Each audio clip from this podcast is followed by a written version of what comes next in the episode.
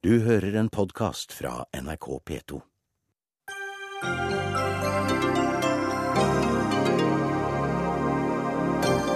Full stopp i forhandlingene om ny pensjonsordning for offentlig ansatte.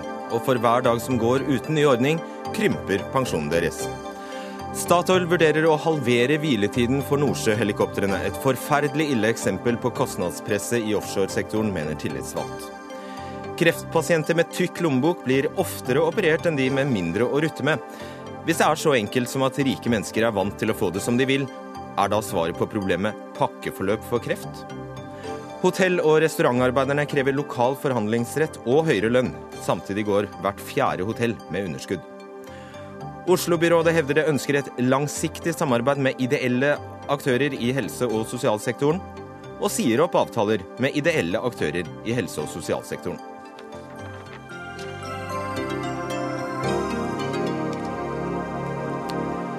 Ja, god kveld og velkommen til Dagsnytt 18 med Fredrik Solvang. For å få en mest mulig forrykende start på denne sendingen, starter vi med offentlig tjenestepensjon.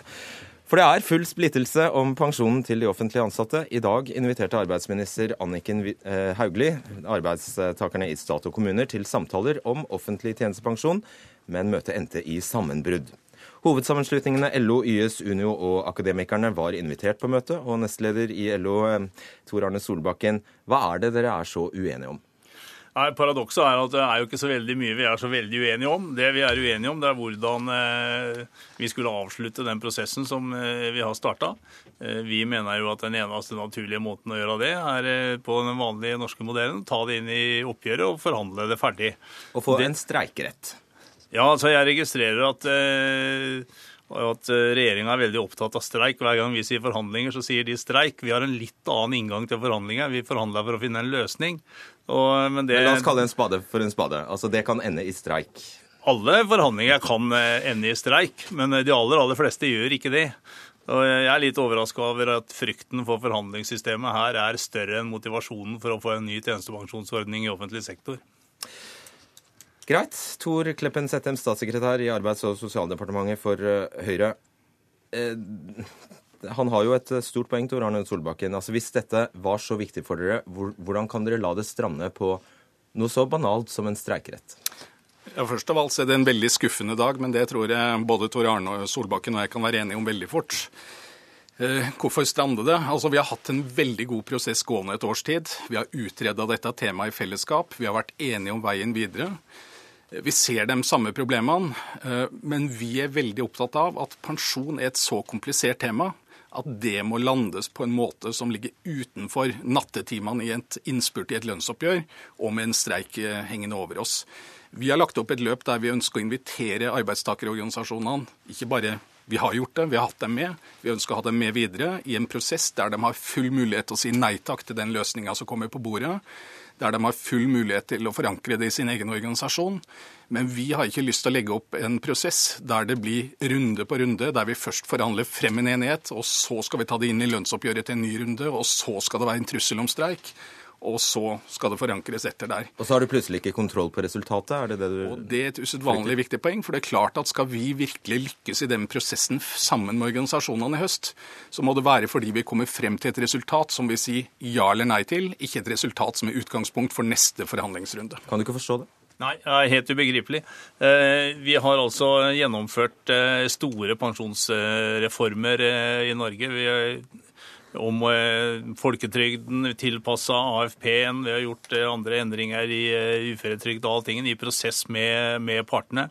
Eh, Det er sånn at det er allerede forhandlingsrett på tjenestepensjon i kommunal sektor. Det er forhandlingsrett på AFP i eh, staten. Det eneste som det ikke er eh, teknisk sett forhandlingsrett på, er tjenestepensjon i staten. La oss ta det poenget, Settem. Det er faktisk sant som Solbakken sier, at de kommuneansatte og de ansatte i sykehusene de har allerede den, den streikeretten på pensjon. Så da er det jo ikke noe prinsipp- prinsipielt eh, imot å, å gi de statsansatte det samme. Det fundamentale er at den offentlige tjenestepensjonen i staten den er lovfesta, den er ikke en tariffesta ordning. Teknokalitet når- Teknikalitet, da. Nei, det er ikke en teknikalitet. For det betyr faktisk at uh, det som skal til Stortinget, det er altså et lovforslag fra regjeringa basert på den enigheten, og ikke et resultat av en tarifforhandling i ordets uh, vanlige forstand. Det vi er opptatt av, er at vi skal ha en ryddig prosess der organisasjonene til de grader er involvert og har mulighet til å si nei takk til løsninga. Men vi vil altså ikke ha en runde på runde. Uh, det er ikke tvil om at organisasjonene også har en stor interesse av å komme frem til en løsning, men vi har lagt opp et løp der vi syns vi involverer organisasjonene organisasjonene veldig aktivt, der vi gir dem muligheten til å takke nei til det som kommer på bordet, og der de også får muligheten til å forankre det i egen organisasjon. Vi syns faktisk vi har strukket oss ganske langt. Og det er litt synd hvis det er sånn at det er det å ta det inn i lønnsoppgjøret som skal være det fundamentale. Du har jo ikke strukket deg langt hvis du ser på hva, hva dere faktisk tidligere har ment. Altså, i Høyres program står det at dere skal jobbe for et mer enhetlig pensjonssystem i privat og offentlig sektor. I Sundvolden-plattformen står det at regjeringen skal fortsette gjennomføringen av pensjonsreformen i både privat og offentlig sektor, og at dette innebærer at partene i arbeidslivet finner løsninger som reduserer forskjellene mellom pensjonssystemene i privat og offentlig sektor. Det var det arbeidet vi starta for ett år tilbake, ja. da vi inviterte organisasjonene inn. Og Hvis det strander på en streikerett, så er mitt poeng da kan dere jo ikke mene det særlig sterkt. Oh, I all verden. Vi har da nå brukt et år og mye kapasitet på å utrede spørsmålet sammen med dem. Vi har lagt opp et løp der vi sier at vi ønsker å ha en prosess videre sammen med organisasjonene, der de får en hånd på rattet, der de til og med får en vetorett, rett og slett. Eh, og der de attpåtil altså kan forankre det i egen organisasjon. Det er til de grader en inkluderende prosess. Og det er klart at Når det står i Sundvolden-erklæringa, så er det jo fordi vi virkelig syns dette er fundamentalt viktig å få til. Det er en mangel i helheten i pensjonssystemet, det som, som de svakhetene som er i den offentlige tjenestepensjonsordninga. Ja, det, det, det, det, er jo sånn at Stortinget allerede ved pensjonsforliket i 2005 sa at eh, man skulle gå videre med forhandlinger med partene i offentlig sektor. I 2008 laga man et opplegg for hvordan man skulle skulle forhandle det. Da kom man ikke til enighet om den innholdsmessige biten av det, men da må man enig om prosess. Den kunne man brukt om igjen nå. Det hadde vært eh, helt uproblematisk. Og når Settem snakker om forankring i medlemsmassen, så har vi én måte å gjøre det på. Det gjør vi i uravstemning i tariffoppgjøret, da forankrer vi det. Og en annen stor svakhet ved det opplegget som eh, Settem og Co. prøver å kjøre gjennom, det er at man har ingen regler ingen bestemmelser, ingen praksis for hvor man skal håndtere. Hvis f.eks. tre av hovedsammenslutningene sier ja og én sier nei, gjør vi det et lønnsoppgjør, så har vi helt klare kjøreregler for hvordan dette skal foregå. Så jeg vil, jeg vil si at det egentlig er litt klønete at man gir fra seg en historisk sjanse til å komme fram til et nytt pensjonssystem på frykten for forhandlingsbordet. Og det, og det man kan innvende til dere, er jo at det vitner om ikke en særlig stor vilje og ønske fra deres side heller til å faktisk få en ny pensjonsordning, når dere lar det, når dere lar det hele strande på en sånn sak som, en, som streikerett. Hvis dere skal jo først forhandle, så skal dere bli enige om en løsning. Da, man, da, da, da, må man jo ta for gitt at det er den løsningen de fire hovedsammenslutningene ønsker seg. Ja, alt, alt, vi er enige om, blir enige om, signer vi på underveis og vil ikke være en del av eh, det som vi skal eventuelt forhandle på på slutten, som er de siste tinga som, eh, som står igjen. Og jeg syns det er rart at man frykter forhandlingsbordet så voldsomt. Og vi er klare, vi, når som helst, men så lenge statsråden sitter i møte og kaster korta, da har ikke vi noe mer der å gjøre. Okay. Så hvis hun plukker opp kortstokken igjen og, og, sier at dette skal vi gjøre på vanlig, tradisjonell norsk måte, så er vi der på timen. Det er litt av et nederlag for regjeringen, dette her. Er det ikke det, Sette? Jo, det kan vi godt si, men det er et nederlag for Solbakken og co. også. Det er et nederlag for oss alle. Altså Når vi kaster kortene, som Solbakken sier, så betyr det at vi har gjort det i fellesskap. For vi har jo alle et ønske om å få til en prosess. Og når Solbakken da henviser til eh, at det hetes i pensjonsforliket at det skal forhandles, det er jo det vi sier at vi ønsker å gjøre høsten 2016, frem til en enighet som organisasjonene får muligheten til å si ja eller nei til. Det er drøftinger, det er forhandlinger har en tvistemekanisme i andre enden, og det har det ikke det julebordsmøtet ditt. Og det må ikke bare tolkes som tarifforhandlinger. Og så vet Solbakken nå at jeg også skal si at i 2008-2009 så var det altså forhandlinger, og det stranda så suste etter i jo, den runden. Men det var på innholdet og ikke på okay. prosessen. Solbakken, du er klar over, du er veldig klar over at for hver eneste dag som går nå uten en ny pensjonsordning i, eh, i stat og kommune, så vil alle som er yngre enn 53 år, faktisk få sin pensjon krympet pga. levealdersjusteringen. De vil ikke kunne oppnå 66 Nei, altså Levealdersjusteringen eh, slår brutalt inn. og Det er mange grunner til at vi ønsker å forhandle fram en ny tjenestepensjon. Men forutsetningen for at vi skal kunne forhandle, er at vi har noen å forhandle med. Og når forhandlingsmotparten kaster korta og sier at vi vil ikke sitte ved det bordet, da får ikke vi gjort noe men med det. Men hele altså. mitt poeng er at alle alternativer enn dagens er verre.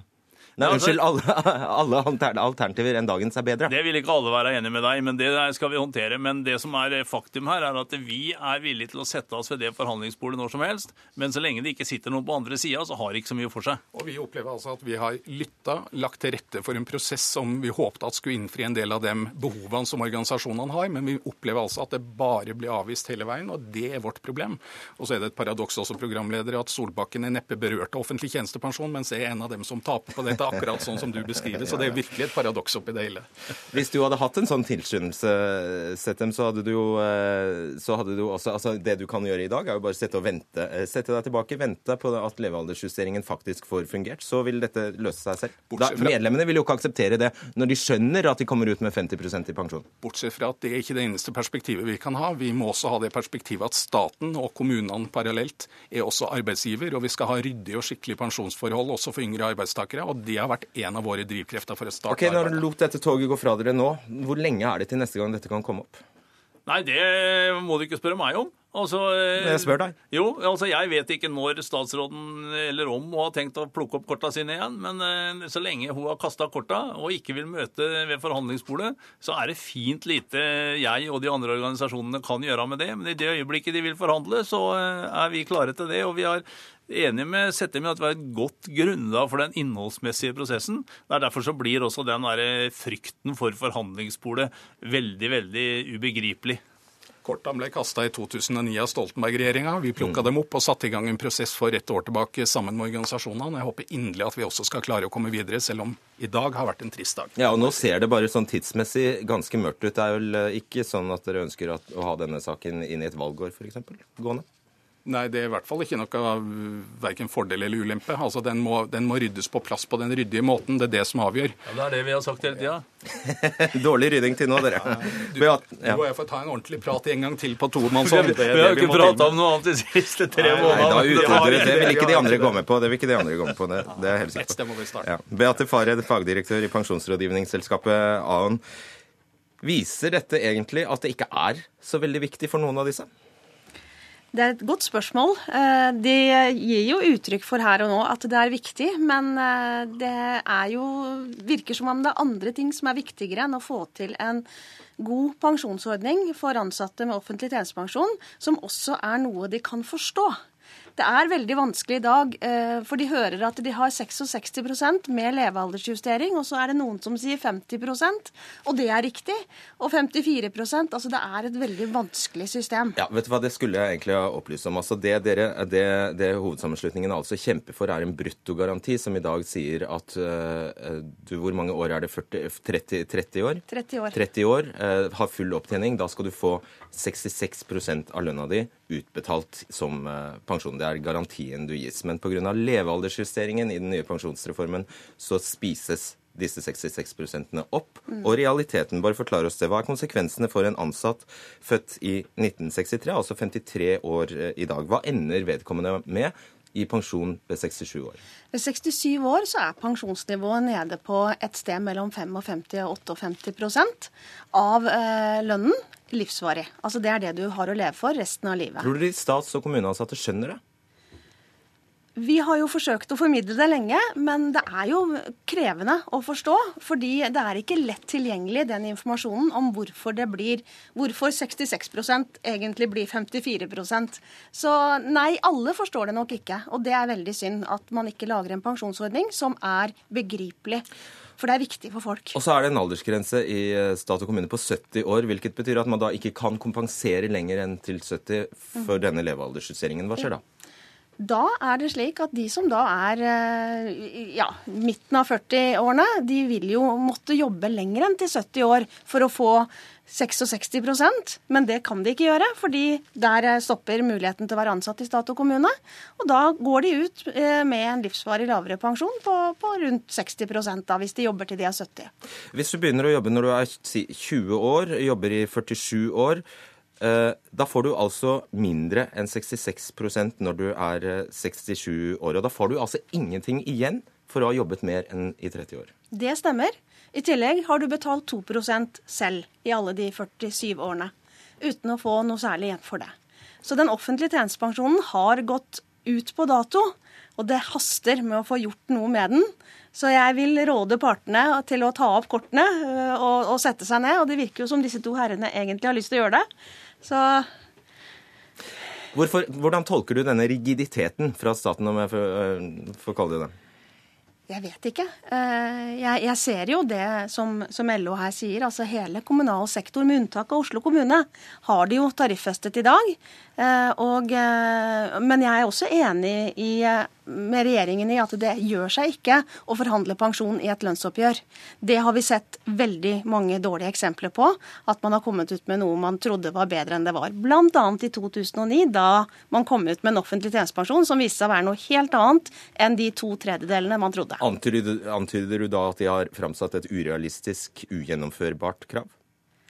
Det kan vi umulig ha framsatt Klarte ikke å noe den ennå. Altså, det er jo en helt uh, absurd umulighet. Fare. jeg, jeg tror at det er en utfordring med at det nå lø, Det er to parallelle løp. Man har brudd i statens eh, Altså forhandling, lønnsforhandlingene i staten er i brudd. Der har man fremsatt det samme kravet som man nå da tydelig har fremsatt eh, i forhandlingene om pensjon. Og da er det en utfordring uh, å vite hvor man skal si ja og nei. Uh, og da tror jeg de sier nei overalt. Det er mitt inntrykk. Ja, Staten kunne ikke si ja i, i lønnsforhandlingene i staten og nei i disse pensjonsforhandlingene. Det fremstår ganske vanskelig, iallfall. Ja, man kunne ha formulert seg ut av det, kanskje? Ja. Ja. Ja, kanskje. Jeg skjønner det var en lidelse å sitte og høre på dette, men eh, takk skal dere ha. Tor Kleppen Settem, Tor Arne Solbakken og Beate Farre. Dagsnytt 18 alle hverdager klokka 18.00 på NRK P2 og NRK2. Nå til konsekvensene av ulykken der 13 mennesker mistet livet etter at helikopteret de satt i styrtet på Turøy på vei fra Gullfaks B i Nordsjøen til Flesland utenfor Bergen. I dag opplyste Havarikommisjonen at tragedien skyldtes teknisk svikt og ikke menneskelige feil. NRK meldte i går kveld at tiden helikoptrene skal stå på bakken, bl.a. for sikkerhetssjekk, kan bli halvert fra 1 time til 30 minutter neste år. Arne Sigve Nylund, konserndirektør i Statoil med ansvar for utvikling og produksjon i eh, Norge. Du er med på linje fra Stavanger. Denne beslutningen om halvert hviletid for helikoptrene er ikke endelig tatt, understreker dere. Men eh, ble det satt et, som et krav i anbudsprosessen på rutene som Bristow fikk tilslaget på til eh, Førde og Bergen, at det skulle skje? Først har jeg lyst til å si at eh, vi har opplevd en tragisk ulykke der eh, 13 gode kollegaer har omkommet. Eh, Vi har familier i bunnløs sorg, og det har rammet en hel industri. Det er viktig for oss nå at vi følger opp de pårørende og de som er berørt på en best mulig måte, og at vi finner årsaken til ulykken. Um, og Derfor er jeg veldig glad for det granskingsarbeidet som nå blir gjort av Havarikommisjonen, og det ble også gjort gransking i helikopterselskapet og i Statoil. Når det gjelder dette med snutid, eller turnaround-tid, så er det den tiden eh, det tar ifra et helikopter eller et luftfartøy eh, ankommer til det har avgang. Eh, Det inneholder både bagasjehåndtering, personell- eller passasjerhåndtering, eh, dette med å fylle drivstoff osv. Det er riktig at det i kontraktsprosessen så har det vært diskutert om det er mulig å se på om disse, man kan forbedre den totale snutiden. Um, Det ligger inne som en mulighet. Altså, som du sier, så er det ikke Ja, besluttet. mitt spørsmål var om det var satt et krav Det i anbudsprosessen. Det, det er ikke et eh, krav, det er rett og slett eh, har blitt eh, en, eh, et tema som har blitt stilt om det er en mulighet. Det er ikke noe som er beslutta. Dette er noe som, eh, hvis at en diskuterer dette videre, så vil dette vil bli diskutert i, i nær samarbeid med òg vernetjeneste og tillitsvalgte. Hvorfor har dere i det hele tatt vurdert det? Det er fordi at eh, vi har sett på muligheten når det gjelder denne snutiden eller turnaround-tiden, om den kan gjøres på en enda bedre måte. Men i dette så er det viktig for meg å si Hva ligger i enda bedre måte? Ja, det er kanskje å få Det er andre måter å gjøre det på som gjør at det kan bli gjort på en, på en bedre måte. Men det som er viktig for meg å få fram, det er det at når det gjelder sikkerhetssjekken på helikopteret, det skal gjennomføres som før. Eh, Det skal gis på en, på en god, skikkelig måte som før. Og vi kompromisser ikke på sikkerheten når det gjelder våre flyoperasjoner. Leif Sande, leder i Fagforbundet Industri Energi, er med på linje fra Bergen. Du vil altså at Statoil skal droppe disse planene om å halvere hviletiden mellom helikopterflygingene og opprettholde én time som det er i dag. Men som du hører her, det skal altså ikke gå ut over sikkerheten. Jeg har lyst til å si tre ting til dette her. For det første, det som Arve Sigve nå sier, det er en gladnyhet for de tillitsvalgte og vernetjenesten i Statoil. Dette her setter de pris på at du sier dette er noe som ikke er innført og det ikke er kommet langt, og dette her skal de diskutere med de tillitsvalgte. Det er veldig bra. Da de hadde satt enda mer pris på, var om du hadde tatt initiativ til å diskutere det med dem før du gikk ut og krevde det innfridd i en kontrakt med en underleverandør, at de fikk diskutert det før det kom inn i kontrakten. Og det tredje som de hadde vært enda mer glad for, er at du her i dag kunne sagt dette blir det ingenting av. Vi kutter ikke eh, snutiden fra eh, 60 minutter til 30 minutter, og vi kutter ut alle planer om å bøtelegge de som ikke klarer å gjennomføre vedlikehold på noe mer tid. Kan du skrinlegge dette? Ja, det, det som både Leif Sande og meg er veldig enige om, at vi jobber iherdig i, i forhold til de rollene vi har til å, å bedre sikkerhet på norsk sokkel. Når det gjelder snutid som sådan, så er det noe som vi ikke nå kommer til å innføre i den fasen vi er i nå, eh, av naturlige og, selvfølgelige årsaker. Nå skal vi gjennomgå den tragiske ulykka. Vi skal gjøre den granskningen som dette fortjener på en skikkelig måte. Og så får vi se på dette, om dette er noe som vi vil diskutere med eh, våre, våre tillitsvalgte og vernetjenesten eh, frem i tid. Når det gjelder dette med å diskutere i forhold til kontrakten, så har det vært en dialog i denne kontraktsprosessen. Og dette med snutid, det har faktisk vært noe som eh, har blitt gitt klar melding om ifra den foreningen du representerer, Leif, det at dette skal vurderes før en, før en innfører dette eventuelt. Sande. Ja, altså, vi, vi, er veldig redd for disse tingene her. Og når man ser på denne snutiden og reduksjonen der, så er det jo ikke slik at dette her alltid kan gjøres på 30 minutter. Altså, Helikopter skal stoppes, det skal settes i gang igjen. Da er du nede i 24 minutter. Hvis det er dårlig vær når du kommer inn, så tar det noen minutter. Slik at dette her kan jo bli til intet. Og når du da skal ha et økonomisk press opp på en sånn pris ved at de ikke får raten sin hvis de blir oppstår forsinkelser, så mener jeg at dette her er et system som rett og slett er gale-Mathias å sette i vekk. Og de burde allerede nå bare sagt dette kutter vi ut. Denne snutiden på 60 minutter den har vi hatt på i mange, mange mange år på norsk sokkel av hensyn til sikkerheten. Da det kommer nye folk inn i systemene nå, må ikke gjøre at en, at en kutter ut disse tingene. De er velfundert og riktige. Så jeg syns dette her er et altså, du, du, du, Jeg blir redd når jeg hører slik. Og så vil jeg også okay, si ja. det, det, som nå skjedde med den helikopterulykka, jeg syns ikke jeg har lyst til å koble det i hele tatt. Dette her er en diskusjon som oppsto før dette helikopteret styrta. Det er ingenting med det Det er greit, men jeg må bare jeg må spørre Nylund. Dersom denne tragiske ulykken ikke hadde skjedd, ville dere da ha gått bare rett og slett gjennomført dette? Nei, det er veldig enig med Leif eh, i at dette er to separate saker. Det er jeg veldig glad for at Leif skiller så klart som, som han gjør. Men spørsmålet mitt er ganske nei, tydelig. Ja, Ville det... dere gjennomført det hvis det ikke var for denne ulykken? Nei, altså det som eh, er mitt svar til det, at eh, dette ligger som en mulighet i de nye kontraktene som skal innføres i begynnelsen av mai 2017. Eh, sånn at, og når, når, denne tragiske ulykken har skjedd, så må vi se på alle forhold rundt våre helikopteroperasjoner og gjøre de kloke, og, uh, kloke tingene som gjør at vi har sikre operasjoner, at våre medarbeidere har, føler seg trygge, og at vi har sikre flyoperasjoner. Det, det er både meg og Leif Sande ja, La meg stille et litt mer generelt spørsmål. Da. I dag opplyste jo Havarikommisjonen at årsaken til ulykken var teknisk svikt og ikke menneskelig feil. Hva forteller det deg om behovet for sikkerhetssjekk, vedlikehold osv. av helikoptrene som er i trafikk? Det er ingen tvil om at sikkerhetssjekk, det å ha god kvalitet på helikoptrene som flyr alle våre passasjerer, det er særdeles viktig. Det kompromisser vi ikke på. Slik at eh, sikkerheten skal ivaretas. Det er vår første prioritet uansett. Eh, Sande, staten er Statoils største eier. Eh, hva skal politikerne, hvis de skal gjøre noe, gjøre? Nei, altså det, det er vel eh, Solvik-Olsen som har ansvar for, for eh, transporten. Og, og, jeg mener jo de bør òg se Gale-Mathiassen i dette her og gi klart beskjed om, enten gjennom Luftfartstilsynet eller på en eller annen måte. Altså å gå fra 60 minutter til 30 minutter over natta og begynne med bøtelegging hvis du ikke klarer å utføre vedlikehold på, på noe mer tid, så, så, så, er det så galt at da burde de grepet inn ifra. Og jeg mener òg til eh, Arve Sigve her at denne muligheten, selv om du har klart å forhandle det fram til han, Bruk han ikke, kutter ut. Det du hadde tjent veldig veldig på i forhold til oljearbeiderne, norske samfunn, hadde du bare sagt klart at dette skal vi ikke bruke oss av. Ja, hvor lenge skal denne pausen uh, vare?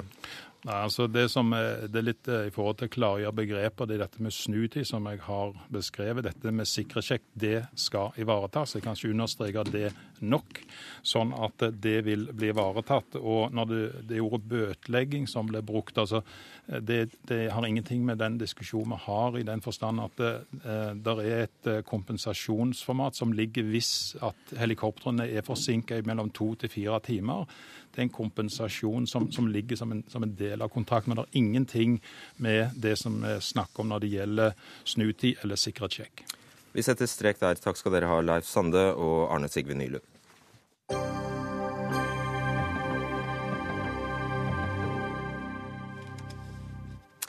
Det nærmer seg en enighet rundt den nye skattereformen. Arbeiderpartiet og regjeringen har, etter det NRK erfarer, i praksis blitt enige om et forlik i spørsmålet om formuesskatt.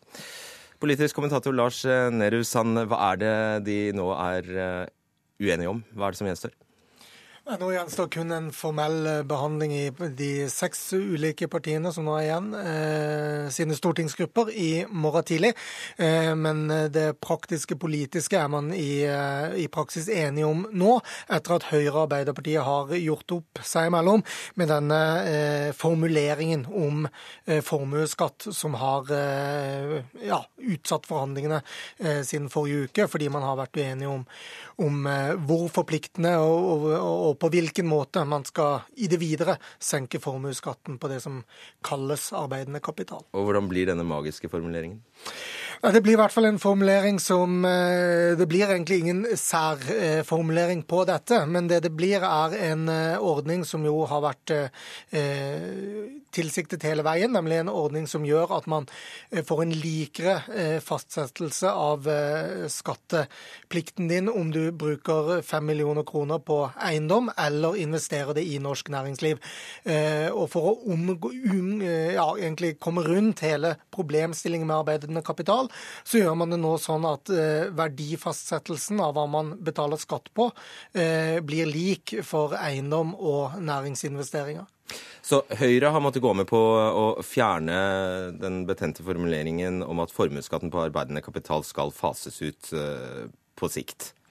Ja, det kan du godt si. Eh, men det er ikke dermed sagt at Høyre har tapt noe av sitt handlingsrom i eh, skattepolitikken. For det er uansett sånn at eh, høyresiden i norsk politikk vil ha lavere skatt, og venstresiden vil forbeholde seg muligheten til å ha dagens nivå eller høyere.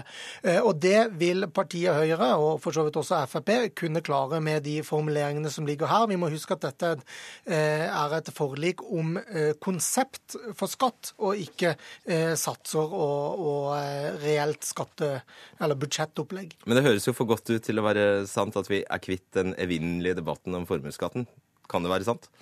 Nei, det er jo egentlig ikke sant i den forstand at nå har man blitt enige om et konsept, og så er det jo fortsatt sånn at rød og blå side vil bruke det konseptet ulikt.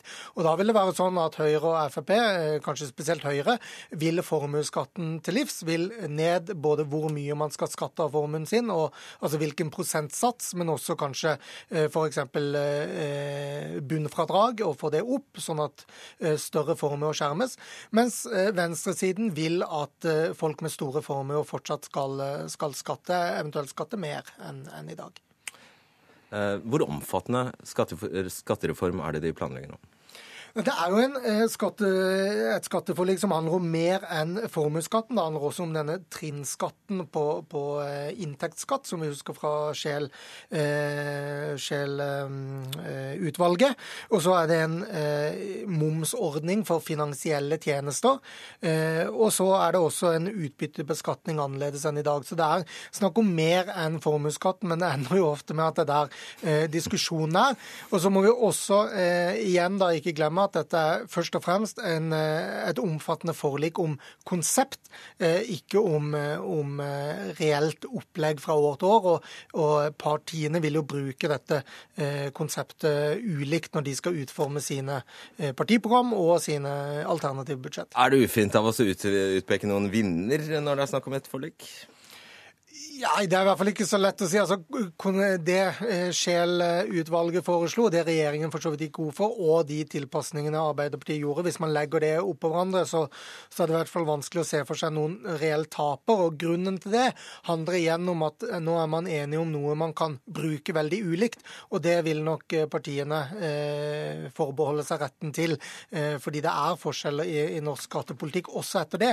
Men håpet er jo at både for oss journalister og for velgere, for næringsliv ikke minst, kanskje aller mest, så bør dette konseptet, at disse rammene ligger fast, at det er enighet om det, eh, være en, en forutsigbarhet. Så man vet ikke nødvendigvis prosentsatsen hvor mye man må skatte av, enten det er næringseiendom eller formuen sin, men man vet hva som skal beskattes. og Det er en helt klar fordel at det er et bredt forlik om det, og at ikke alle skatteballene kastes opp i lufta hvert fjerde år, men at man kan være enige om en, en slags ramme for, for skattedebatten. Ja. Så bare noterer vi oss at SV da står utenfor eh, dette skatteforliket. Tusen takk skal du ha, Lars Nehru Sand.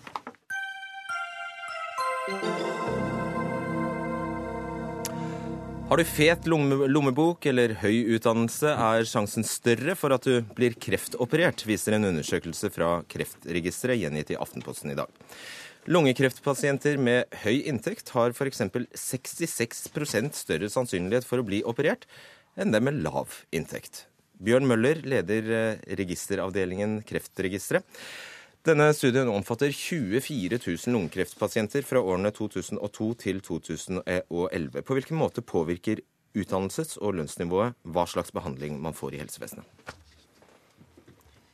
På hvilken måte? Det er litt vanskelig for oss å si. Det vi har sett på, er jo eh, Vi har gruppert eh, alle pasientene i tre grupper. Sett på de 20% som har den høyeste inntekten, og de 20% som har den laveste. Og så har vi sammenlignet eh, hvem av de som får operasjon.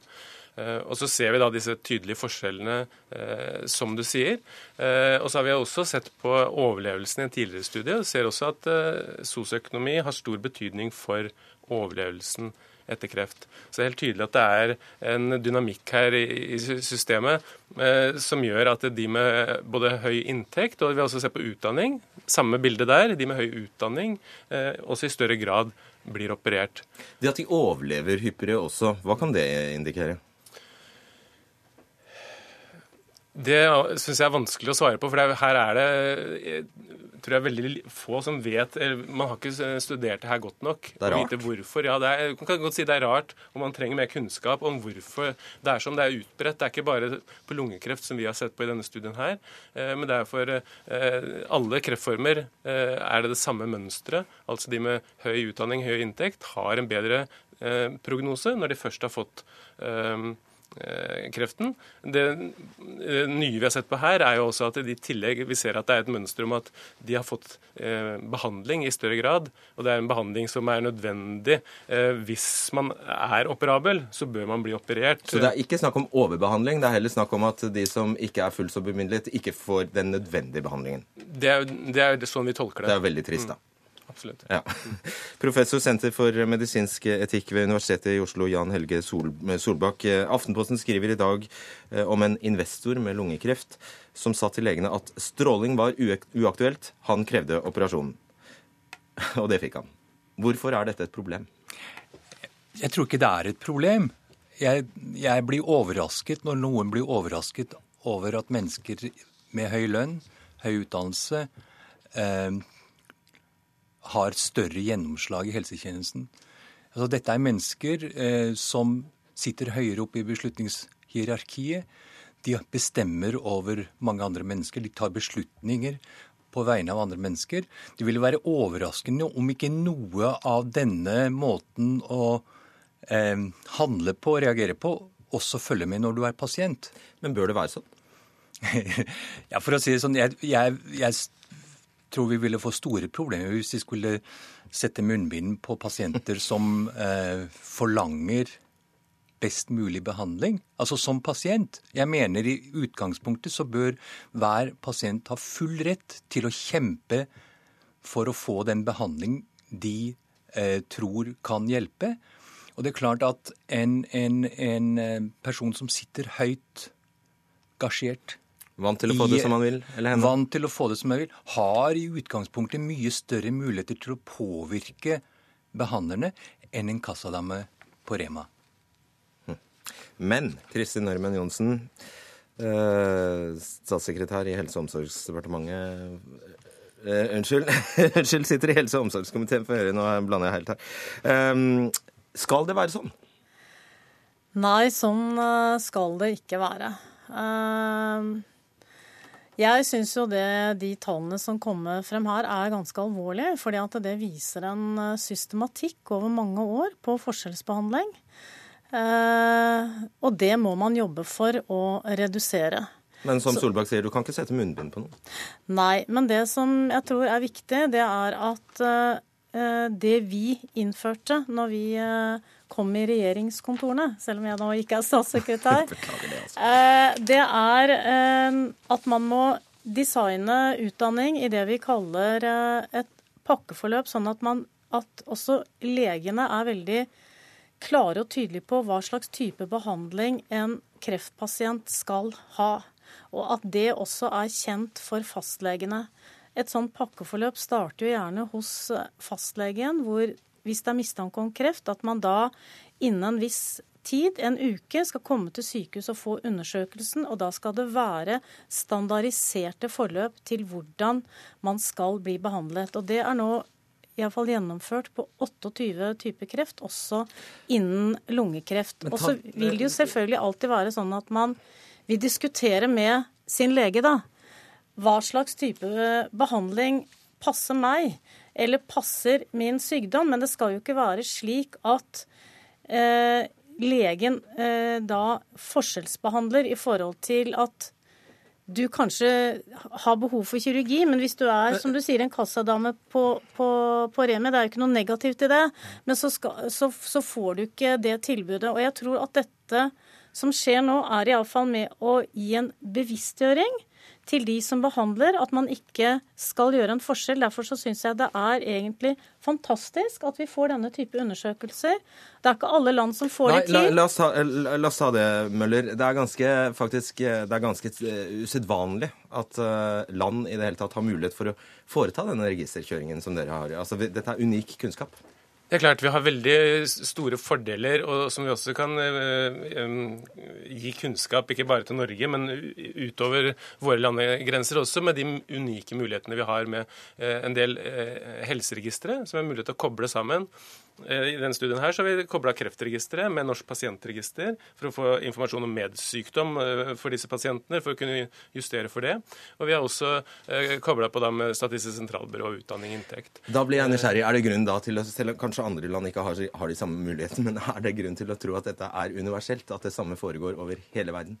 Ja, altså, i, Når det foregår i Norge, som har et så universelt helsetjenestetilbud, og idealet er at alle skal ha det samme tilbudet, og når det da skjer i Norge, så vil jeg tenke at da er det opplagt at det skjer eh, i andre land. Mm. Så, eh, Solbakk, tenker du at eh, det eksempelet som ble nevnt i Aftenposten i dag, der legene altså diskuterte om operasjon eller strålebehandling var riktig mot svulsten i, i lungene hans, ville, det, ville, man- ville man unngått en sånn diskusjon eh, med et, dette pakkeforløpet? Nei, Man kan pukke på pakker så mye man vil, men man får ikke utlignet de forskjellene som ligger i at er du i en privilegert stilling i samfunnet, du har et mye større nettverk å spille på, du har mange flere potensielle hjelpere, veldig ofte har du en høyere utdannelse som gjør at du er bedre til å følge med hva som finnes av muligheter. Medisin er ikke en eksakt vitenskap. Leger er ikke maskiner, de lar seg påvirke av pasientene. Og heldigvis. Men, men altså, utfordringen ligger jo hvordan skal vi sørge for at de som ikke har de samme mulighetene Ja, hva er ditt alternativ til et pakkeforløp, da? Hva er ditt alternativ til et pakkeforløp? Nei, jeg sier ikke at et pakkeforløp er, er, er en, en dårlig idé, men vi, vi, får ikke utlignet noen av disse forskjellene, eller alle disse forskjellene ved pakke, pakkeforløp. Eh, men denne typen forskning er jo veldig viktig for å sette søkelyset på hvordan skal man nå ut bedre til de pasientene som ikke tør å forlange, som ikke tør å kreve, som ikke har de samme nettverkene å spille på.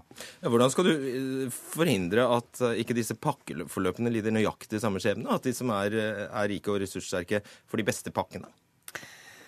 Nei, det som skjer, det er jo nettopp det at fastlegen kommer inn i systemet. Du går jo gjerne til en fastlege hvis du har en kul eller du har mistanke om noe er galt. Og da vet jo også fastlegen Altså dette er jo et system akkurat som vi har Kreftregisteret, pasientregisteret. Dette er et systematisk løp. Jeg syns det var veldig pessimistisk og veldig defensivt å tro at når man systematiserer en behandling, den er kjent, Helsedirektoratet lager retningslinjer som skal ned til hver eneste fastlege og som skal til legene, så er det klart at det gir også en bevisstgjøring hos legene, for de skal jo også rapportere inn i dette systemet. Taler du ikke mot statistikken nå, rett og slett? Nei, altså jeg mener at uh, Hvilken statistikk tenker du på da? Altså det at det er 66% større sannsynlighet for å bli operert hvis du har høy inntekt? Nei, men det er jo nettopp det man skal uh, forhindre, og det er jo nettopp det man har grepet tak i. At man ser at det var for tilfeldig. Man måtte kanskje vente for lenge. Folk falt utenom. Og nå har vi jo også fått eh, kontaktleger og kreftkoordinatorer nettopp som skal være en støtte og hjelp for pasientene i dette systemet. Okay, hva tror dere i Kreftregisteret om disse pakkeforløpene? Ja, jeg, jeg, er veldig positiv til pakkeforløpene for kreftpasientene. Eh, og, og fanget opp altså i fagmiljøet at det er en stor entusiasme rundt eh, kreftpakkene. Eh, pakkeforløpene Det er klart en sideproblemstilling er pasienter som ikke er kreftpasienter. Om, om de kanskje i, i, en viss grad blir nedprioritert. Det har i hvert fall vært et, en problemstilling. Men at ting blir bedre når du er en kreftpasient med innføring av pakkeforløpene, er jeg ikke i tvil om. Spørsmålet er om det minsker de eh, sosiale forskjellene. Eh, det er ikke opplagt, for det kan slå begge veier. Eh, det kan, de, kan det være som jeg sier, kan det være som jeg ser om? Ja, det kan være sånn som du sier. At du kan få en ekstra gild-pakke om du er ekstra rik? Om du ikke får en ekstra gild, så kan du være mer bevisst på at pakkeforløpene finnes. Du vet hva som er kravene til mm. ventetider. Du setter deg inn i og, og, og, kan stille tilsvarende krav til det nye på en måte, regimet. Men ikke sant, når du har en standardisering standardisert forløp, så er det også det at de svakeste pasientene i større grad blir leid gjennom eh, systemet. Solbakk, hva er det med vårt eh, sosialdemokratiske system? Altså, Vi har en skole, en eneskole som forsterker og utvikle sosiale forskjeller. Vi har altså et helsevesen der du, der du finner eh, utslag som dette, som, systematiske utslag som dette her. Hvorfor, hvorfor det? Fordi at eh, de store partiene er grunnleggende enige om én ting, og det er at den økonomistiske tenkningen skal få stadig større plass i helsetjenesten vår. Og det har noen eh, positive virkninger, men det har også en hel rekke uventede bivirkninger. Jeg skulle jo ønske at helse- og omsorgskomiteen het helse-, omsorg- og undervisningskomiteen, for vi vet jo at den viktigste parameter når det gjelder helse, det er utdanning. Selv i denne byen så er det en forskjell i nesten ti år i levealder mellom noen områder på østkanten og indre Abediergjengen. Du åpner en helt ny dør. Vi har ikke tid til å, til å ta den debatten eh, nå, men det er veldig tankevekkende, disse tallene her. Takk skal dere ha, Jan Helge Solbakk, Jan, eh, unnskyld, Bjørn Møller og Kristin Ørmen Johnsen. Hør Dagsnytt 18 når du vil. Radio NRK Radio.nrk.no.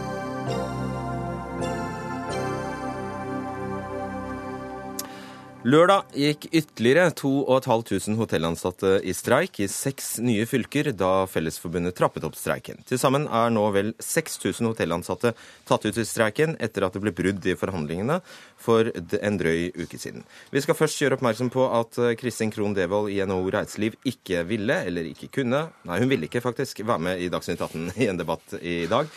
Eh, og derfor er du her alene, Tore Skjelstad Aune, leder i, eh, avdelingsleder i Fellesforbundet i eh, Oslo. og Derfor så får jeg, jeg for, forsøke å innta en, en rolle der jeg stiller noen kritiske spørsmål til deg, da, siden du er alene. Eh, hvor lenge har dere tenkt å holde på? Så lenge det er nødvendig. Jeg vet ikke. Mm. Hva er viktigst, lønn eller lokal forhandlingsrett? Lokal forhandlingsrett er nok det viktigste. Men selvfølgelig å heve lavtlønna, den er også viktig. Men det er lokal Hvor begredelig er den egentlig? Jeg vet ikke, men eh, Det må du vite. jo da, den er begredelig. Hvis du jobber heltidsstilling i den bransjen her og har jobbet til to-tre år, så må du ha to jobber for å overleve i Oslo. altså. Du har ikke råd til å Hva vil det si, faktisk, i kroner og øre? 280 000-300 000. Mm. Men da er du 23 år, da. Hæ? Da er du jo 23 år. Du er, Ikke ganske, du er ung. Ikke nødvendigvis. Eh, hvis du har jobbet i to år, så er du Nei. Altså snittalderen er Snittalderen i vår bransje nå, den er vel Ja, hva var den? Rundt 30? 32. Par- 32, ja. eh, Cirka hvert fjerde hotell her i landet går i- med underskudd. Likevel vil dere ha mer lønn. Nei, det er ikke det vi sier. Vi vil ha lokal forhandlingsrett, og så vil vi diskutere lønnen på den enkelte bedrift. Har dere ikke krevd et generelt tillegg? Jo, Ja. det kommer. Ja, Så det kommer i tillegg til den lokale potten? Ja, det gjør det. Og da Det er det sånn at det- hvert fjerde hotell går med underskudd allerede? Ja, det vet ikke jeg, men eh, jeg stiller meg tvilende til de tallene når du ser på investeringslysene i den bransjen her. Du tror ikke på det? Jeg sier ikke jeg ikke tror på det, men investeringslysen er relativt stor. Ok, eh, Som jeg sa, så er altså snittalderen i din eh, bransje 32 år. Snittalderen i industrien som dere sammenligner dere med, og som dere krever dobbelt så mye som, er 42 år. Det er jo helt urimelig. Vi har ikke krevd dobbelt så mye som eh, industrien. Langt derifra. Vi burde kanskje gjort det. Hvor mye mer enn industrien har dere krevd? Det kan jeg ikke svare deg på, for jeg, jeg har pålagt taushetsplikt pga. at jeg sitter, sittet i meklingen. I motsetning til visse andre som har uttalt seg om det der. Mm. Eh, I et arbeidsmarked med økende arbeidsledighet, det ser vi, eh, det ser vi jo alle skjer, har ikke dere noe ansvar eh, hvis dere da knekker hoteller som ofte kan være hjørnesteinsbedrifter i små, på små Selvfølgelig har vi det, men vi har jo ikke noen planer om å knekke et hotell vi med lokal forhandlingsrett. Som Tvert imot. Tvert imot. Det er jo ingen tillitsvalgte i dag som har forhandla seg ut av porten og via en konkurs. Industrien har jo hatt det her siden i 1907. Og der har det jo fungert. Tilnærmet alle hotellene i Stavanger er tatt ut i streik. Er det fordi dere vil ramme hoteller som allerede sliter med å overleve? Nei, overhodet ikke. Men når du er i en situasjon som det vi er nå, i en konflikt, så er det en helt naturlig reaksjon at du får en opptrapping over tid, så lenge du ikke tar ut hele landet i første uttak. Dere kan bidra dermed til at enda flere blir arbeidsledige akkurat i den regionen? Tror jeg ikke. Hvor lurt er det at dere hjelper hotellgjester over på plattformer for delingsøkonomi, som LO ikke er særlig begeistret for, som f.eks. Airbnb? Om det er lurt eller ikke, det vet jeg ærlig talt ikke. Men eh, det er, Det er det som skjer. Ja, jeg er klar over det at det er det som skjer. Og, men det er jo kommet for å bli, og da får vi heller tilpasse oss til den nye virkeligheten, for å bruke det uttrykket. Ja, da har du pissa i buksa. Nei, ikke nødvendigvis. Det er jo mange hoteller i dag eh, som bruker Airbnb helt bevisst og selger overskuddsrom via de. Du, Bare 20% av NHO-bedriftene i bransjen din er tariffbundet. Og eh, mange av disse har ikke tillitsvalgte i det hele tatt. Og NHO rapporterer altså da om høy turnover blant de tillitsvalgte og lite engasjement for tillitsvalgtrollen. Er du med på det? Jeg er med på at det er høy turnover i bransjen, ja. Og lite engasjement? Nei, For å være ikke- tillitsvalgt? Nei, det er jeg ikke med på. Men det er en grunn til det. Og det er det at hvis du blir tillitsvalgt i den bransjen her sånn, så blir du uglesett av ledelsen. Det er den harde, stygge virkeligheten vi lever i til daglig ute. Ja, det, det er kanskje fordi det er så få organiserte. Mulig, men om Hvem det er ansvar er det? Det er vårt ansvar. Ja. Men om, eh, om det er få organiserte eller mange organiserte i en bedrift Systemet fungerer på den måten, altså.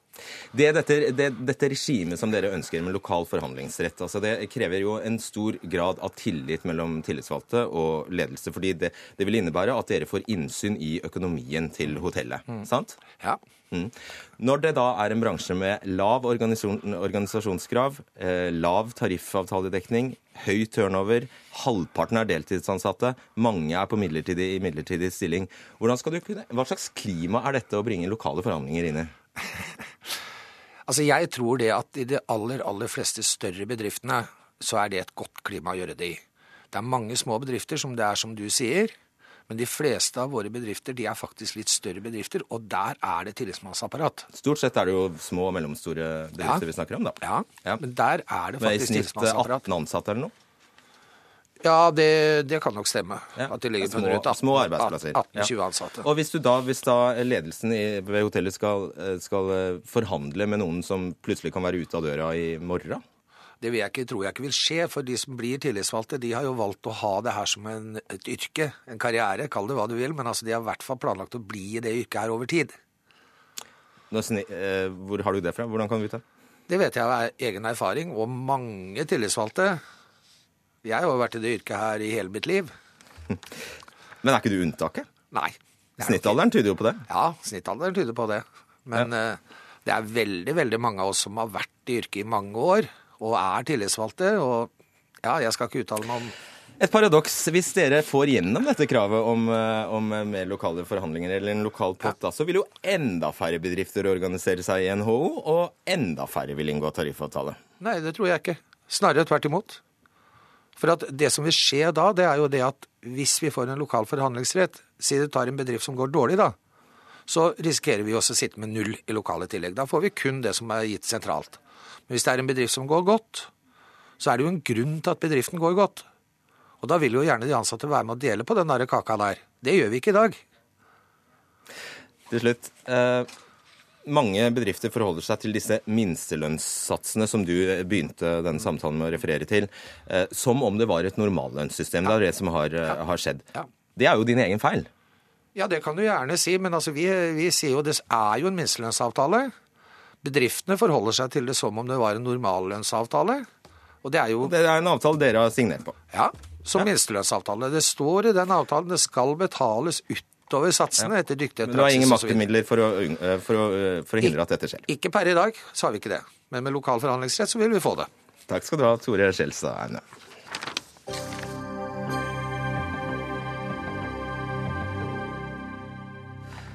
Denne uka sa Oslo kommune opp en 40 år gammel avtale med den ideelle organisasjonen Kristent interkulturelt arbeid, før byrådet så snudde etter reaksjoner fra opposisjonen. Akkurat som byrådet gjorde da det ønsket å komme seg ut av en avtale om rusomsorg med Blå Kors. Og dette får deg eh, og Frivillighet Norge til å reagere, generalsekretær Stian Slåttøy eh, Johnsen. Eh, Hvorfor trenger vi i det hele tatt ideelle organisasjoner på helse- og omsorgssektoren? Ja, altså Blant Frivillighet Norge sine mer enn 300 medlemmer så er det mange som driver ulike former for velferdstilbud på vegne av det offentlige. Det, det handler om alt fra rusomsorg til språkopplæring eh, til, eh, til eldreomsorg. Hvis det offentlige kan gjøre det selv? Ja, det som er at de, de, de frivillige gjør det altså som et del av sitt samfunnsoppdrag. Eh, og Dermed så har de også en, eh, en større verdi eh, for samfunnet. Eh, de, de tar ikke ut profitt, de gjør det ikke for å tjene penger. Alle skattekroner går til, til velferd. Og Derfor var vi også veldig glad eh, da byrådet tydelig sa at vi ønsker å styrke samarbeidet med ideelle aktører. Eh, og Det som har skjedd nå, det gjør at vi vi, vi tror det er en, en, avstand mellom liv og lære. Eh, vi ser at det er en målsetning, og så ser vi at eh, i praksis så blir det sagt opp langsiktige samarbeidsavtaler. Og da er det disse to eksemplene som er de siste, altså eh, kristent interkulturelt arbeid og Blå Kors. Ja, det stemmer. Og I begge tilfeller så blir det jo argumentert med at kommunen kan gjøre dette selv. Og Da mener vi at det betyr mindre mangfold i velferdstjenestene og samla sett et dårligere tilbud for de som trenger det. Inga Marte Torkelsen, byråd for eldre, helse og sosiale tjenester i Oslo for eh, SV. Er du klar over eh, hva som står i din egen byrådserklæring? Ja, jeg er veldig klar over det. Jeg er veldig engasjert i det òg. Jeg har stått på i mange år for at vi skal ha eh, frivilliges og ideelles plass innafor velferdsstaten. Den skal være tydelig. For eksempel, ja, ja, kan jeg få bruke et eksempel da, Fredrik, vær så snill? Bortsett fra at jeg har jobba to år i en ideell stiftelse som heter Forandringsfabrikken, før jeg ble byråd, som jeg vet veldig klart verdien av, så tok jeg tak som barneminister i den rød-grønne regjeringa for å sikre at vi skulle behandle de ideelle barnevernsinstitusjonene annerledes enn de kommersielle. Og det fjerna da eh, Hornes eh... Ja, men du skal måles på det du gjør, og du er her ja, for å Ja, men jeg ville bare bevise at Det er jeg er faktisk opptatt av det, for det er jeg. Og så er spørsmålet hva, hva da med, med lære, eller livet her, da, i forhold til læren. Ja. ja, fordi dere har altså nedfelt i, i, i, i eh, erklæringen at dere ønsker langsiktig samarbeid Ja. med ideelle aktører i helse- og sosialsektoren, og så er uh, forlydende her at dere, det første dere gjør, er å si opp avtaler med de samme. Og samtidig da, så er det også sånn at vi inngår nye avtaler. sånn at vi gjør jo begge deler, men det kommer kanskje ikke like tydelig fram. fordi at det å avvikle avtaler det vil alltid få mye mer oppmerksomhet enn det å inngå noen nye eller gjøre noe som er positivt. Er det det som har skjedd her? Eh, Ja, I denne, disse to tilfellene som er eh, holdt fram her, så er det jo avviklinger. Og jeg skjønner jo at det får reaksjoner. Det Spørsmålet om Kia det kjenner ikke jeg, det er, det er en annen byråd sitt område. Eh, Men det har jeg skjønt har blitt omgjort. Eh, Så i spørsmålet om Østerått da, og Blå Kors, eh, så var jo det også en anbudskonkurranse som var lagt før vi kom inn i byrådet. Eh, Og det som vi har stått i, dilemmaet vårt, det har jo vært om vi skulle legge ned da en offentlig institusjon, fordi det står mange ledige plasser innafor institusjonen i Oslo, og man da skal ha en dreining til hjem. Men det som, senest i dag så har jeg hatt møte om eh, sykehjem. Og jeg har gitt klar beskjed om at vi skal ha minst samme andel, helst høyere andel ideelle eh, sykehjem enn det vi har i dag. De skal utforske alle muligheter og bruke det tidsvinduet som er nå, før EØS-avtalen kommer og slår oss i huet. Eh, Og regjeringa har heller ikke villet utforske handlingsrommet. Johnsen, hvis eh, Inga Marte Torkelsen snakker sånn, så har du ikke noe poeng, faktisk. Ja, Hun anerkjente jo at de har nå disse, eller de ønsker å avslutte disse langsiktige samarbeidene. og det som er... For å kunne inngå nye. Det er en utfordring på, på to måter. For det første så er det her eh, tilbud som har eksistert lenge, og som har opparbeida seg en veldig høy kvalitet, som er populær blant brukerne. De har eh, venteliste, begge to. Men anbud er anbud. Ja, Det som det koker ned til, er jo om det offentlige vil gjøre det her sjøl, eller om de ønsker at de ideelle skal slippe til. Eh, og her viser det seg jo at eh, de heller vil ha det offentlige på disse områdene. og Da påpeker vi at da mister man den merverdien som de Det er det ideelle tilfører. Nei, det er ikke det, jeg sier. altså. Jeg, og jeg vet, vi, må, vi må møtes. Eh, Det er helt tydelig for å få rydda opp i det. Mm. Dere møtes jo nå. Men, men det er klart at Vi kan jo ikke love at alt skal være som det har vært. Men Mm. det som er ditt veldig viktige poeng, det er jo at vi har noen aktører innenfor helse- og sosialområdet som har vært der i årevis, og som har en helt spesiell kompetanse. Eh, og i tillegg, når man er en ideell aktør, så eh, har man ja, en egenverdi, eh, for så vidt. Og så har man i tillegg den muligheten at man kan trekke på frivillige ressurser. Men hvis man har evig kontrakt med det offentlige som ideell organisasjon, så kunne man jo like gjerne bli en del av kommunen, da. Ja, eh, Det vil jo ikke de ideelle, selvfølgelig, for de ønsker å ha den fleksibiliteten. Og det er også en av styrkene til de ideelle. og det, Så det ønsker jo ikke vi at vi skal overta det. De Det er ikke evig kontrakt, og det er, men det er, jo det, det er jo noe av problemstillingen her, Johnsen, at det høres nesten ut som du ønsker evige kontrakter. Nei, nei.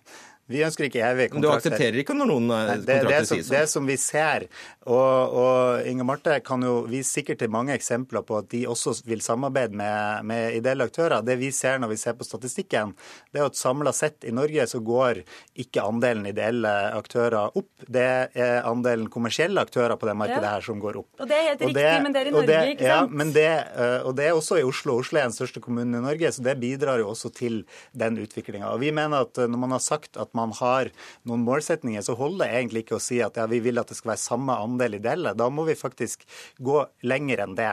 Eh, På Stortinget for, eh, for en par uker siden så foreslo Senterpartiet en ambisjon om at 25% av helse- og velferdstjenestene skulle være ideelle. Og jeg kunne tenkt meg til å utfordre Inga Marte på et tilsvarende eh, mål. fordi... Ok, da har du gjort det. Ja, altså, Vi ønsker jo at vi skal kunne behandle de ideelle på en helt annen måte enn Mm. de kommersielle. 25%? Det er utgangspunktet vårt.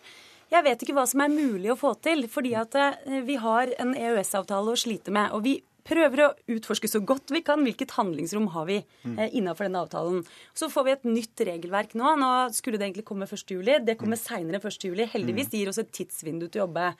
Eh, og så sier vi at vi ønsker å utforske dette med utvida egenregi, som de har satsa på i Danmark. Og snakka med Bergen om vi kan klare å få til en løsning på det. Så eh, vi vil virkelig veldig gjerne. Men noen ganger så er det også sånn at vi pga. at eh, faget endrer seg, eller at behovene endrer seg, så må vi også endre hvem det er vi har samarbeid med. Skjønner. Du får ti sekunder for slutt. Ja, for jeg har lyst til å si at jeg tror på Inge Marte når hun sier at uh, hun har det personlige engasjementet her, men jeg tror også at det er viktig å kanskje har og kanskje holde et, uh, et seminar også for de fagansatte i kommunen, og sørge for at det her gjennomsyrer hele administrasjonen. For det også tror jeg er en stor uh, hindring. Ja, det er klart, altså, det har vært 18 års Høyre-styre, så vi driver jo og forandrer. Og det er jo ikke liksom gjort over natta, men vi har gitt veldig klare uh, direktiver og signaler om hva vi ønsker. Tusen og vi vil ha det ideelle i kommunen. Torkelsen og Stian Slåtterød Johnsen. Dere fikk avslutte Dagsnytt eh, 18 denne tirsdagen. Dag Dørum var vaktsjef, teknisk ansvarlig Hanne Lunås, i studio Fredrik Solvang. Du har hørt en podkast fra NRK P2.